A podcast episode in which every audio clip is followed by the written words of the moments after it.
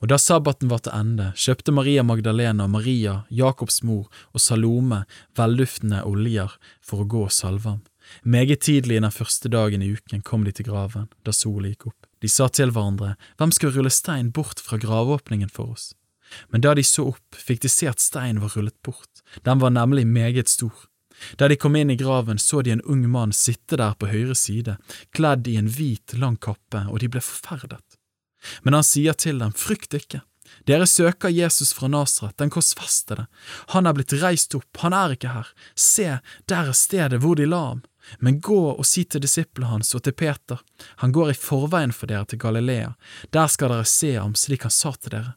De gikk da ut og flyktet i hast bort fra graven, skjelvende og grepet av forferdelse, de sa ikke et ord til noen, for de var redde.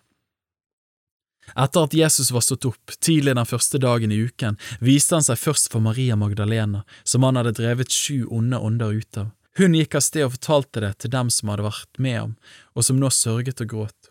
Og da de fikk høre at han levde og at hun hadde sett ham, trodde de det ikke.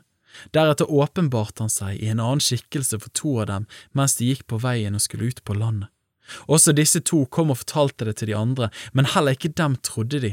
Til sist åpenbarte han seg for de elleve selv mens de holdt måltid.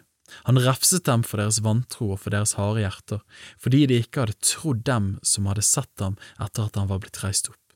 Og han sa til dem, Gå ut i all verden og forkynn evangeliet for all skapningen. Den som tror og blir døpt, skal bli frelst, men den som ikke tror, skal bli fordømt. Og disse tegnene skal følge dem som tror.